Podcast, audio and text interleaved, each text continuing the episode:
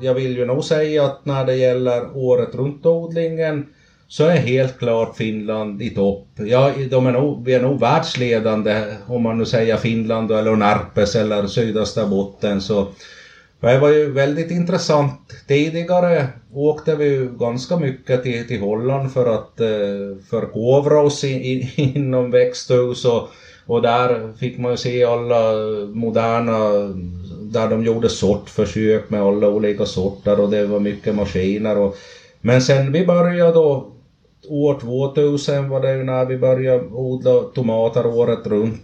Jag var ju också en bland de pionjärerna som, som var med och, och började med, med förstås småskaligt men det växte ur det och så det tog nog inte länge så, så blev det som mitt mot att det, det, det var holländarna som kom hit och, och tittade vad gör de här närpesborna som får sådär stora skördar och, och får sådär mycket tomater att växa. Fast eh, Finland är ju i totalt mörker när man kommer till december och januari till exempel. Så.